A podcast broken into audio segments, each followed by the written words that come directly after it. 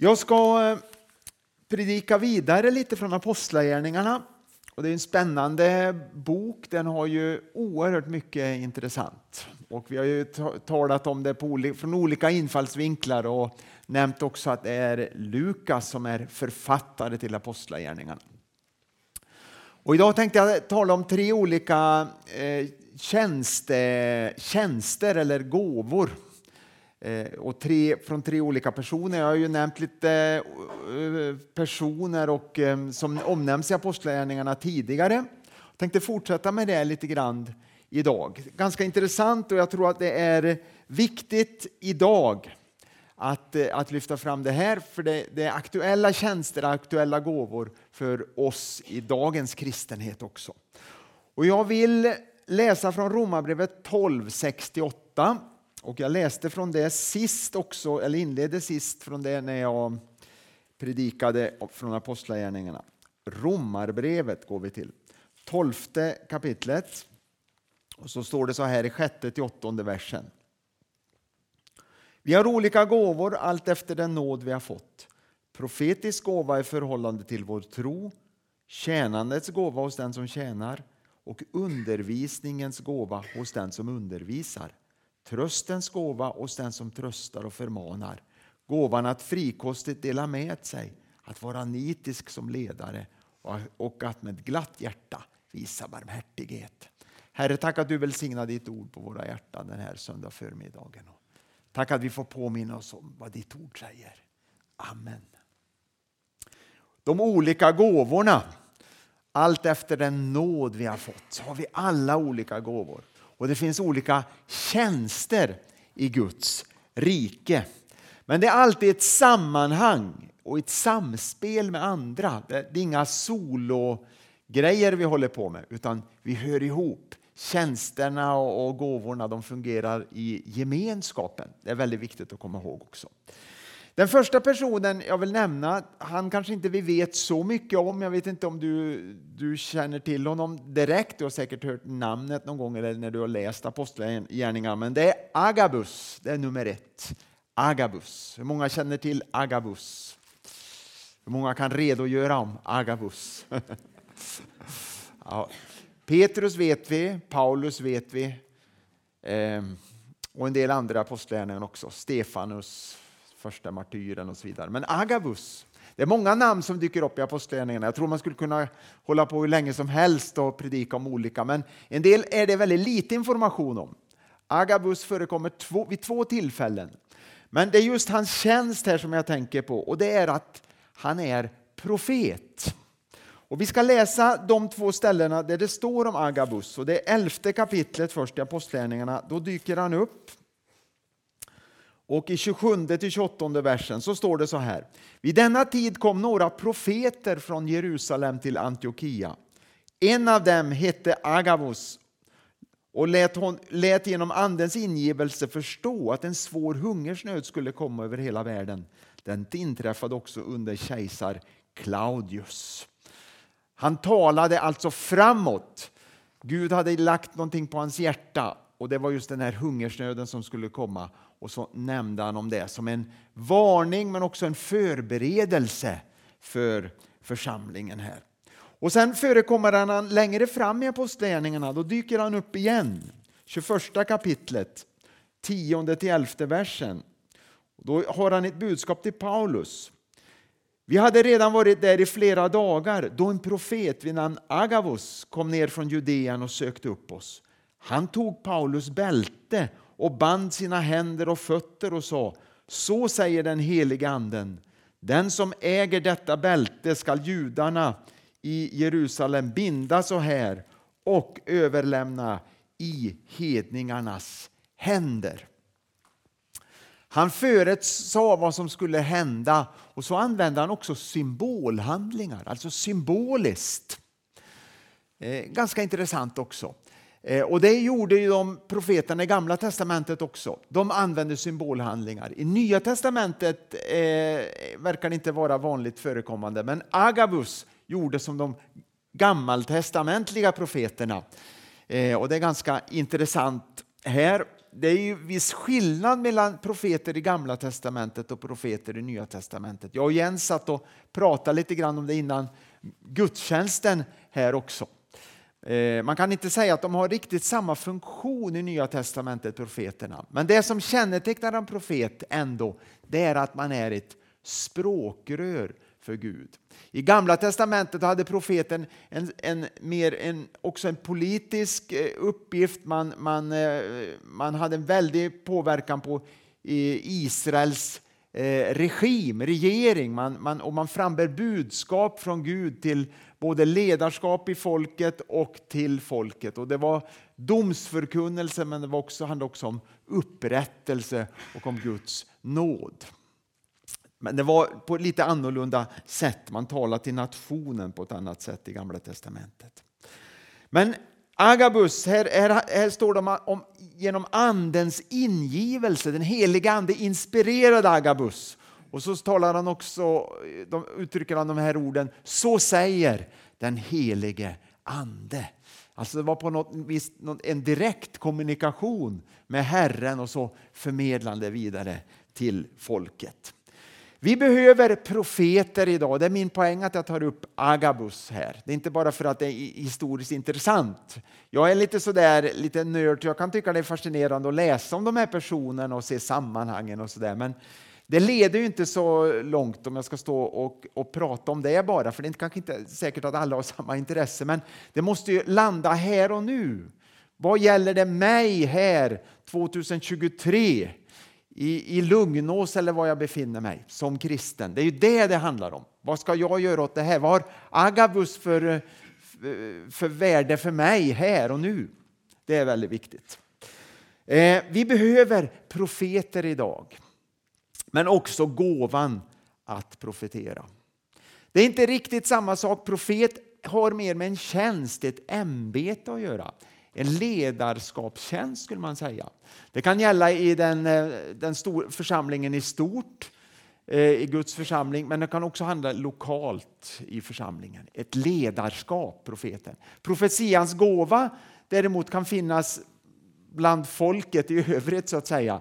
Eh, profetians gåva kan finnas allmänt i församlingen och, och enskilda personer som också använder eller Gud brukar i den gåvan vid speciella tillfällen. Det är lite annorlunda. I Apostlagärningarna 13, jag vill läsa det också, så står det så här i första versen till den tredje versen. Apostlagärningarna 13, 1-3. I församlingen i Antiochia fanns dessa profeter och lärare. Alltså det var både profeter och lärare. Det kanske inte vi är så vana vid idag. Lärare tänker vi, det är klart, det är inget konstigt. Det finns ju i församlingen. Profeter fanns också, det är väldigt viktigt. Och så står det så här uppräknat. Barnabas, Simeon som kallades Niger, Lucius från Kyrene, Manaen som var uppfostrad tillsammans med tetrarken Herodes samt Saul. Och Saul är ju Paulus då. Han fick ju det namnet sen. Medan de en gång höll gudstjänst och fastade sa den heliga anden till dem Avdela Barnabas och Saul för den uppgift som jag har kallat dem till. Efter fasta och bön lade de sina händer på dem och skickade iväg dem.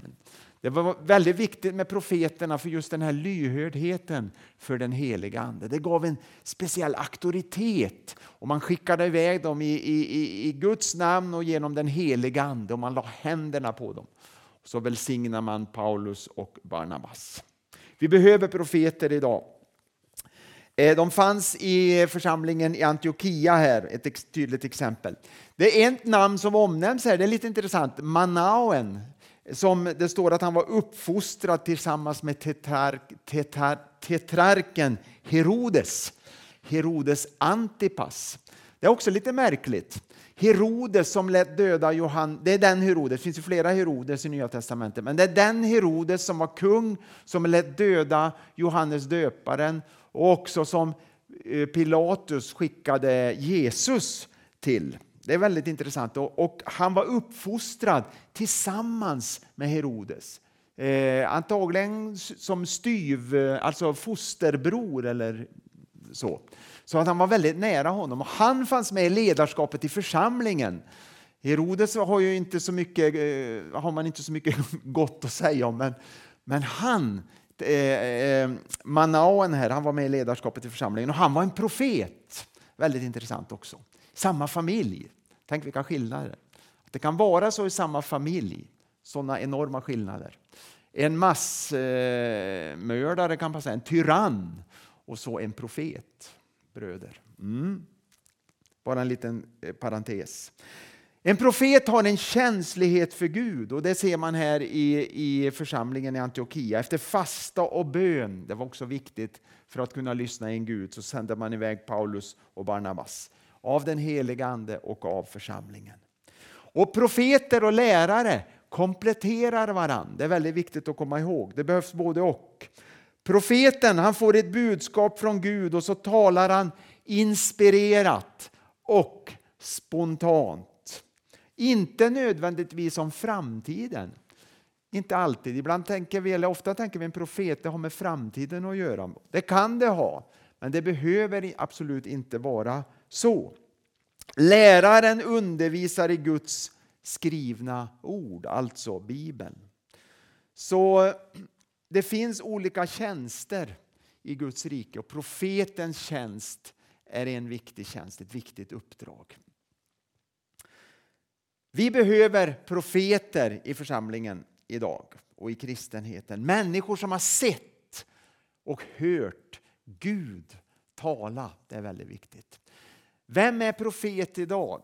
Jag tror vi många gånger funderar på det och jag tror att många är brända av det, även många kristna. Det är väldigt mycket som har blivit fel och många som har sagt så säger Herren och så blir det inte så som Herren har sagt och då blir man ganska konfunderad och förvirrad. Jag vet, jag nämnde det tidigare en gång helt kort när det gällde eh, i USA så var det väldigt mycket uttalanden om Donald Trump och så blev det inte så som många hade sagt som sa att man var profeter. Och då blev det ganska förvirrat och väldigt mycket besvikelser. Och en del tog tillbaks det och sa att vi hade nog hört fel, vi hade missat på något sätt. Alla gjorde inte det, men en del sa att det var, det var fel. En del kanske tänker så att vi inte sett eh, det sista än. Han, han finns ju fortfarande kvar och, och kandiderar här framåt, så vi får väl se det också. Men det verkar ändå som att profetiorna gällde att han skulle fortsätta sin som president. Men det blev inte så. Då blev det många besvikelser och många började ifrågasätta det här med profetior. Det var bara ett exempel. Det finns ju många sådana här exempel, både i nutid och historien. Det som kännetecknar en profet det är inte att det är spektakulärt. Det kan vara det ibland när man ser i Gamla testamentet, men det är inte det som kännetecknar en profet. Utan en profet är, som, är en som klargör Guds ord. Profeten är fylld av ödmjukhet och kärlek till människorna. Jag skulle vilja påstå att det kanske det mest ögonfallande är kärleken till människor. Det ser vi också i Gamla testamentet. Jeremia var ju den gråtande profeten kallas han.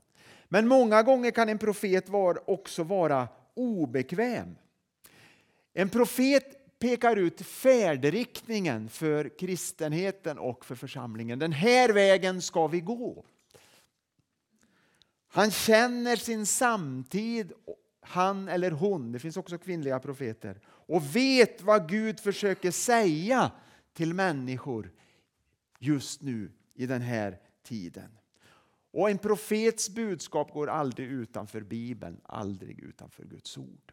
Vi behöver profeter idag. Profeter som pekar ut färdriktningen. Vilken väg ska vi gå? Vi lever i en väldigt förvirrad tid. Och det är väldigt många gånger man undrar liksom vart är vi på väg någonstans. Och den förvirringen finns också väldigt mycket inom kristenheten i kyrkan. Men vi ska ju visa på vägen. Vi ska ju vara ett ljus och ett salt och visa människorna i den, i den här världen vägen till Gud och vilken väg vi ska gå. Därför behöver vi profeter som Korrigera. Vi behöver den här tjänsten. Det är väldigt viktigt. Eh, Tozer, författare och, och kristen som många ansågs vara profet, men han sa aldrig det själv. Och det kännetecknar också en profet, tror jag. Att en profet säger inte själv att han eller hon är en profet. Utan jag tror mer det blir bekräftat från andra människor. Men han skrev så här en gång på mitten av 1900-talet. Den skriftlärde talar om vad han har läst, profeten om vad han har sett. Det var skillnad. Vi har många skriftlärda. Vi talar och pratar mycket om vad vi har läst. Men profeten, vad han har sett från Gud. Det kan vara en avsevärd skillnad. Den andra tjänsten, helt kort, jag ska nämna det, Apollos. Och Jens läste ju om Apollos inledningsvis här. Att i Korintiförsamlingen var det en del som ville hålla sig till Apollos. En del till Petrus, och en del till Paulus, en del till Jesus direkt. Men en del också till Apollos. Och då läser vi så här i 18 kapitlet i Apostlagärningarna. Står det. Och 24 till 28. Till Efesus hade det kommit en jude vid namn Apollos. Han stammade från Alexandria och var en bildad man, väl insatt i skrifterna. Han hade fått kunskap om Herrens väg och han predikade med glöd och undervisade noggrant om Jesus. Men han kände bara till Johannesdopet. Denne man uppträdde nu i synagogan och talade frimodigt. När Priskilla Akilla hade hört honom tog de sig an honom och gav honom ännu noggrannare kunskap om Guds väg. När han sedan ville fara över till Akaja uppmuntrade bröderna honom och skrev till lärjungarna där att de skulle ta väl emot honom. I Akaja blev han genom Guds nåd till stor hjälp för de troende. Ty han vederlade judarna energiskt och med stöd av skrifterna bevisade han inför allt folket att Jesus är Messias. Jag tycker det var ett häftigt eh, eh, benämnande om Apollos här. Hans styrka, hans kraft. Och han hade en, en, en eh, apologets uppgift. Och apologet kommer från Apollos, en trons försvarare. Som är en lärare, men också väldigt stark och övertygande och kan visa människor att Guds ord är Guds ord. Och vi behöver den gåvan också, apologeten, en lärare som är nitisk och frimodig att försvara Guds ord. Det behöver vi idag. Idag, som jag sa, vi lever i en väldigt förvirrad tid. Vi behöver apologeter som vet Guds ord, kan Guds ord och genom den helige Andes ledning kan undervisa Guds ord så att vi förstår, så att människor förstår vilken väg vi ska gå. Som kan övertyga och visa på sanningen i Guds ord. Paulus var ju också en apologet, också en profet. Han var både och. Eh, Apollos han predikade med glöd, står det. Det är härligt att höra en predikan med glöd. Eh, det föredrar vi, tror jag, än en torr predikan som bara kanske rabblar sanningar. Vi vill höra med glöd, det är väldigt viktigt. Och, det, och Paul, eller Apollos han predikar med glöd, så människor somnar nog inte om de lyssnar på Apollos. Och han undervisar noggrant, han var noggrann, han lämnar inget åt slumpen. Och sen står det att han vederlade judarna energiskt, det var energi när han talade. Och med stöd av skrifterna, här kommer ett väldigt starkt ord också, bevisade han inför folket att Jesus är Messias. Han övertygade dem, han bevisade att Jesus är Messias. Tänk att man kan predika så att man bevisar att Jesus är Messias. Då måste det vara väldigt kraftfullt. Och den heliga Ande naturligtvis är där. Det går ju inte med mänsklig kraft och övertalningsförmåga utan det handlar om den heliga Ande naturligtvis, att jag har en kanal. Att undervisa är en naturgåva, men vi behöver Andens gåvor också. Och skillnaden märks om en undervisning tar tag i och så gör skillnad hos människor också. Vi behöver apologeter, sådana som kan predika Guds ord och försvara Guds ord med kraft. Det fanns lite luckor i kunskapen hos Apollos, står det. Det står inte ordet luckor, men vi förstår att han hade inte helt eh, Eh, hela sanningen riktigt. Men det fanns två som tog sig an honom och gav honom noggrannare kunskap om Guds väg. Akilla och Priskilla, ett par som kände den här uppgiften. Vi ska hjälpa honom lite här på vägen, hjälpa honom till rätta. Han behöver lite mer undervisning. Också väldigt viktigt. Martin Luther han menade att det är Apollos som har skrivit Hebreerbrevet. Det var en liten intressant eh, parentes. Och flera än Martin Luther också. Men det vet man inte säkert.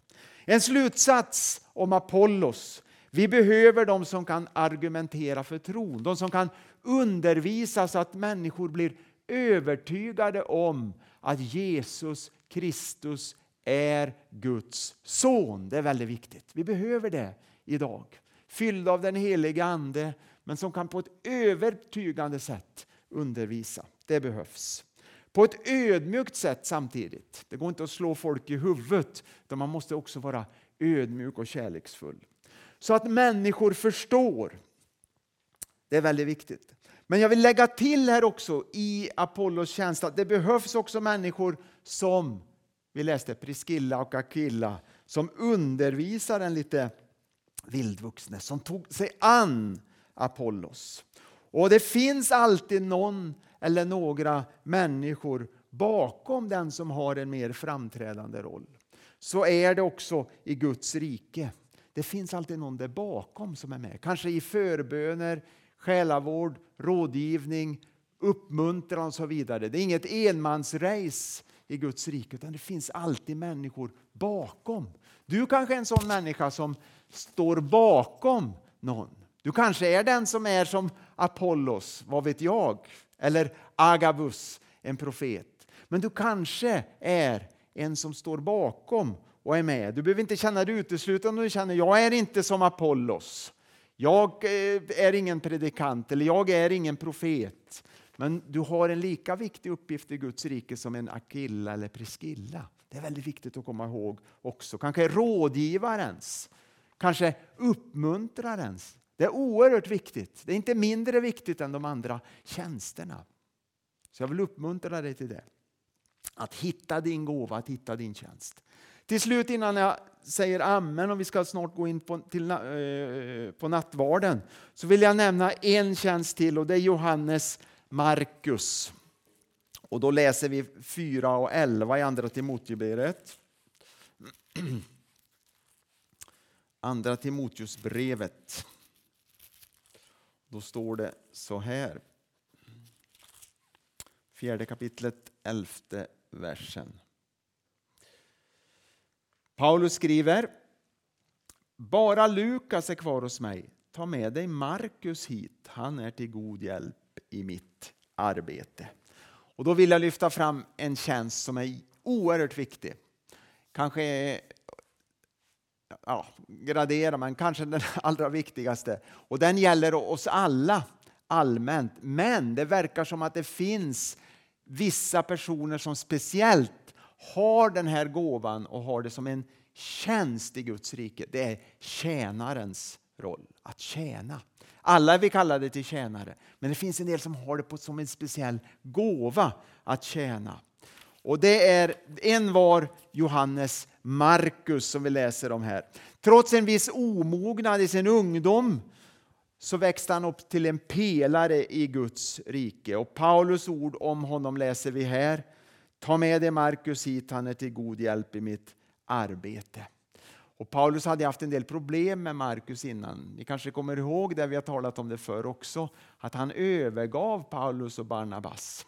Han var lite omogen och kanske kostade på lite för mycket och jobba med de här giganterna. Så han lämnade dem och då skulle de ut på en ny missionsresa och då ville inte Paulus ha med sig, Barnab äh, ha med sig eh, eh, äh, Markus. Men Barnabas, han tog med Markus och så for Markus och Barnabas till Cypern och Paulus han bildade ett nytt team och drog vidare.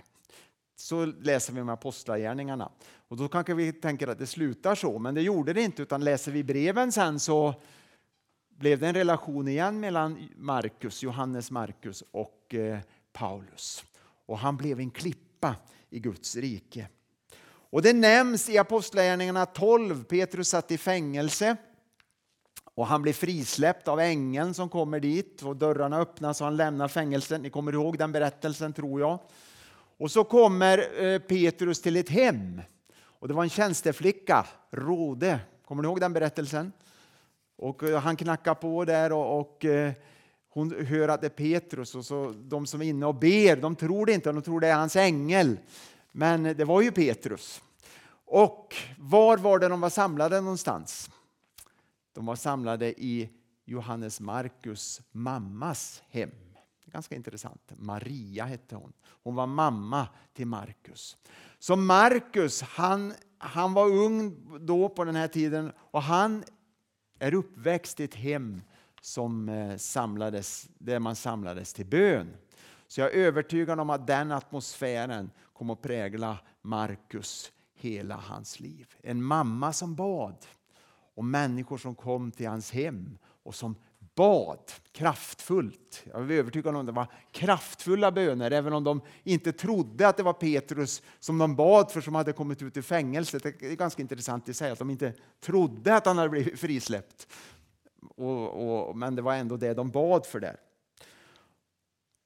Markus han arbetar nära Paulus, han arbetar nära Barnabas som vi nämnde och Barnabas var morbror eller farbror. Det står kusin på vissa ställen också. Man tror det var morbror eller farbror tror man att han var, eller eh, att han var till Markus.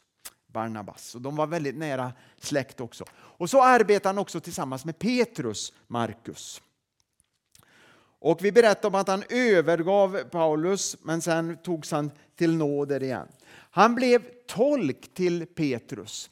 Och man tror att det är Markus, Johannes Markus som har skrivit Markus evangeliet. Det är ganska fascinerande också. Den här ynglingen, den här lite omogna personen, han har fått skriva en av Bibelns viktigaste böcker. Ett av evangelierna, ett av de fyra evangelierna har han fått författa. Men som tolk till Petrus. För man tror, eller är övertygad om, att det var Petrus som står bakom Markus evangeliet. Alltså Markus evangelium är Petrus berättelse, Petrus vittnesbörd om Jesus. Också ganska intressant. Men här fick Markus vara en tjänare. Han fick vara en del i det här och det är helt fantastiskt. Eh, han kom senare till, till, eh, till eh, Alexandria och blev församlingsledare där i Egypten och eventuellt blev han martyr där också. Tänk vilket uppdrag Markus fick. Han fick vara, jobba tillsammans med Barnabas, han fick arbeta tillsammans med Paulus, han hjälpte Paulus när han satt i husarrest. Och så fick han vara tolk och jobba väldigt nära Petrus också i Rom. Och så finns det enligt en gammal tradition en, liten, en berättelse i Markus evangeliet. Det står så här i Markus 14, 51-52. Och det här tror man är Markus själv det handlar om, för det finns inget namn. Det är lite dråpligt. När Jesus tas till fånga i ett semane står det så här. En ung man som bara hade ett linneskynke på sig ville följa med Jesus. Honom tog de fast, men han lämnade skynket kvar och sprang sin väg naken. Jag vet inte om du har tänkt på det bibelordet någon gång. Men många tror att det handlar om Markus, att det var hans egen vittnesbörd eftersom han har skrivit det. En ung man. Han var med även när Jesus tillfångatogs och korsfästes. Mm, ganska intressant. Slutsats till sist. Att tjäna, det är nummer ett. Det gäller oss alla. Men det verkar som också att det är en speciell gåva som vissa människor har fått. Markus trofasthet, det gav stor frukt. Och en tjänare formas av Guds hand. Många gånger är det genom misslyckanden. Det ser vi i bibelordet. Petrus hade misslyckats mycket. Han blev en tjänare. Och kanske Petrus eh, formade Markus också, för Markus hade också misslyckats. Kanske det fanns en relation där som betydde väldigt mycket just när det gällde det här. Att växa i Herren. Kanske du har övergivit din kallelse. Kanske du känner att du har misslyckats eller handlat oförståndigt tillbaks i livet. Men eh, det är inte för sent, utan det är nu som gäller. man kan inte gå och tänka så där har jag gjort och det, det finns liksom ingen framtid för mig. Jag har liksom eh, bränt mina chanser inför Gud. Men så är det inte. Utan Gud ger hela tiden en ny chans. Så länge vi finns kvar här på jorden och lever så finns det nya möjligheter hela tiden. Jag kan brottas med det där en del, men jag känner det en väldigt uppmuntran i det. Det är nu som gäller, man ska inte se tillbaks. Man pratade med en, det var en intervju med Ingmar Stenmark en gång. Och då pratade man mycket om det gamla, då, hur mycket, många världscuper han hade vunnit och hur han hade lyckats. och så där. Men då sa han så här att Nej, det, det intresserar mig inte. Jag vill inte prata om det gamla, jag vill se framåt. Och det är ganska intressant. En sån eh, som har varit så framgångsrik han vill inte se tillbaks. Så är det också i Guds rike. Vi ska se framåt. Gud har kallat oss att ta sikte framåt. Vi är tjänare som formas av Guds hand. Och Det var mycket som påverkade Markus, hans familj, hans hem, hans mamma säkert, hans morbror, farbror Barnabas, Paulus lite kärvare kanske, Petrus genom sina misslyckanden. Det var mycket som påverkade honom. Och du och jag får också bli påverkade av andra i positiv riktning, men också få vara med och påverka. Och är du äldre i församlingen så kan du få vara med och påverka de som är yngre. Är du förälder så kan du få vara med och påverka dina barn och dina barnbarn, om det är mormor, farfar, farmor eller mormor, så får du vara med och påverka. Överallt i de sammanhang du finns så får du påverka människor positivt. Och även om inte våra vägar alltid är spikraka och det, vi ser tillbaks och att vi, vi känner att vi har misslyckats så är det nu som gäller och framåt. Det är väldigt viktigt. Det ska vi tänka på också nu när vi firar nattvard. Det kanske får bli en stund då du överlåter dig på nytt till Herren. Att eh, du säger Herre, ta mig som jag är och använd mig och bruka mig som jag är. Och använd mig i, i den, den uppgift som du har tänkt för mig. Att jag får vara brukad i gåvor, också i den tjänst som du har kallat mig till. Jag kanske har misslyckats, jag har känt mig svag, jag, jag kanske inte stått upp för min tro eller gjort felaktiga beslut i livet. Så här har du mig nu och nu gäller det framåt. Det är det det handlar om. Det är inte för sent. Inte för någon som sitter här är det för sent. En dag kan det naturligtvis vara för sent att vi inte svarar ja och bejakar Guds kallelse. Så är det ju. Vi ska ju stå till svars för våra liv. Men du som sitter med här, det är inte för sent. Det finns en möjlighet, det finns en chans. Låt det, nattvardsstunden få bli en överlåtelsestund, att överlåta sig på nytt till Herren och säga, här har du mig Herre, bruka mig, använd mig i de gåvor och i den tjänst som du har lagt ner i mitt liv. Vi ber. Herre, tack att du välsignar oss Herre. Tack för det vi får eh, lära av ditt ord och tack att du undervisar oss Herre. Vi prisar dig för det Gud. Tack att du känner oss var och en och tack att du vill förnya våran tro här idag. Tack att du vill ge oss ny kraft och inspiration att se fram emot. Framåt Herre. Vi tackar dig för det i Jesu namn. Amen. Amen.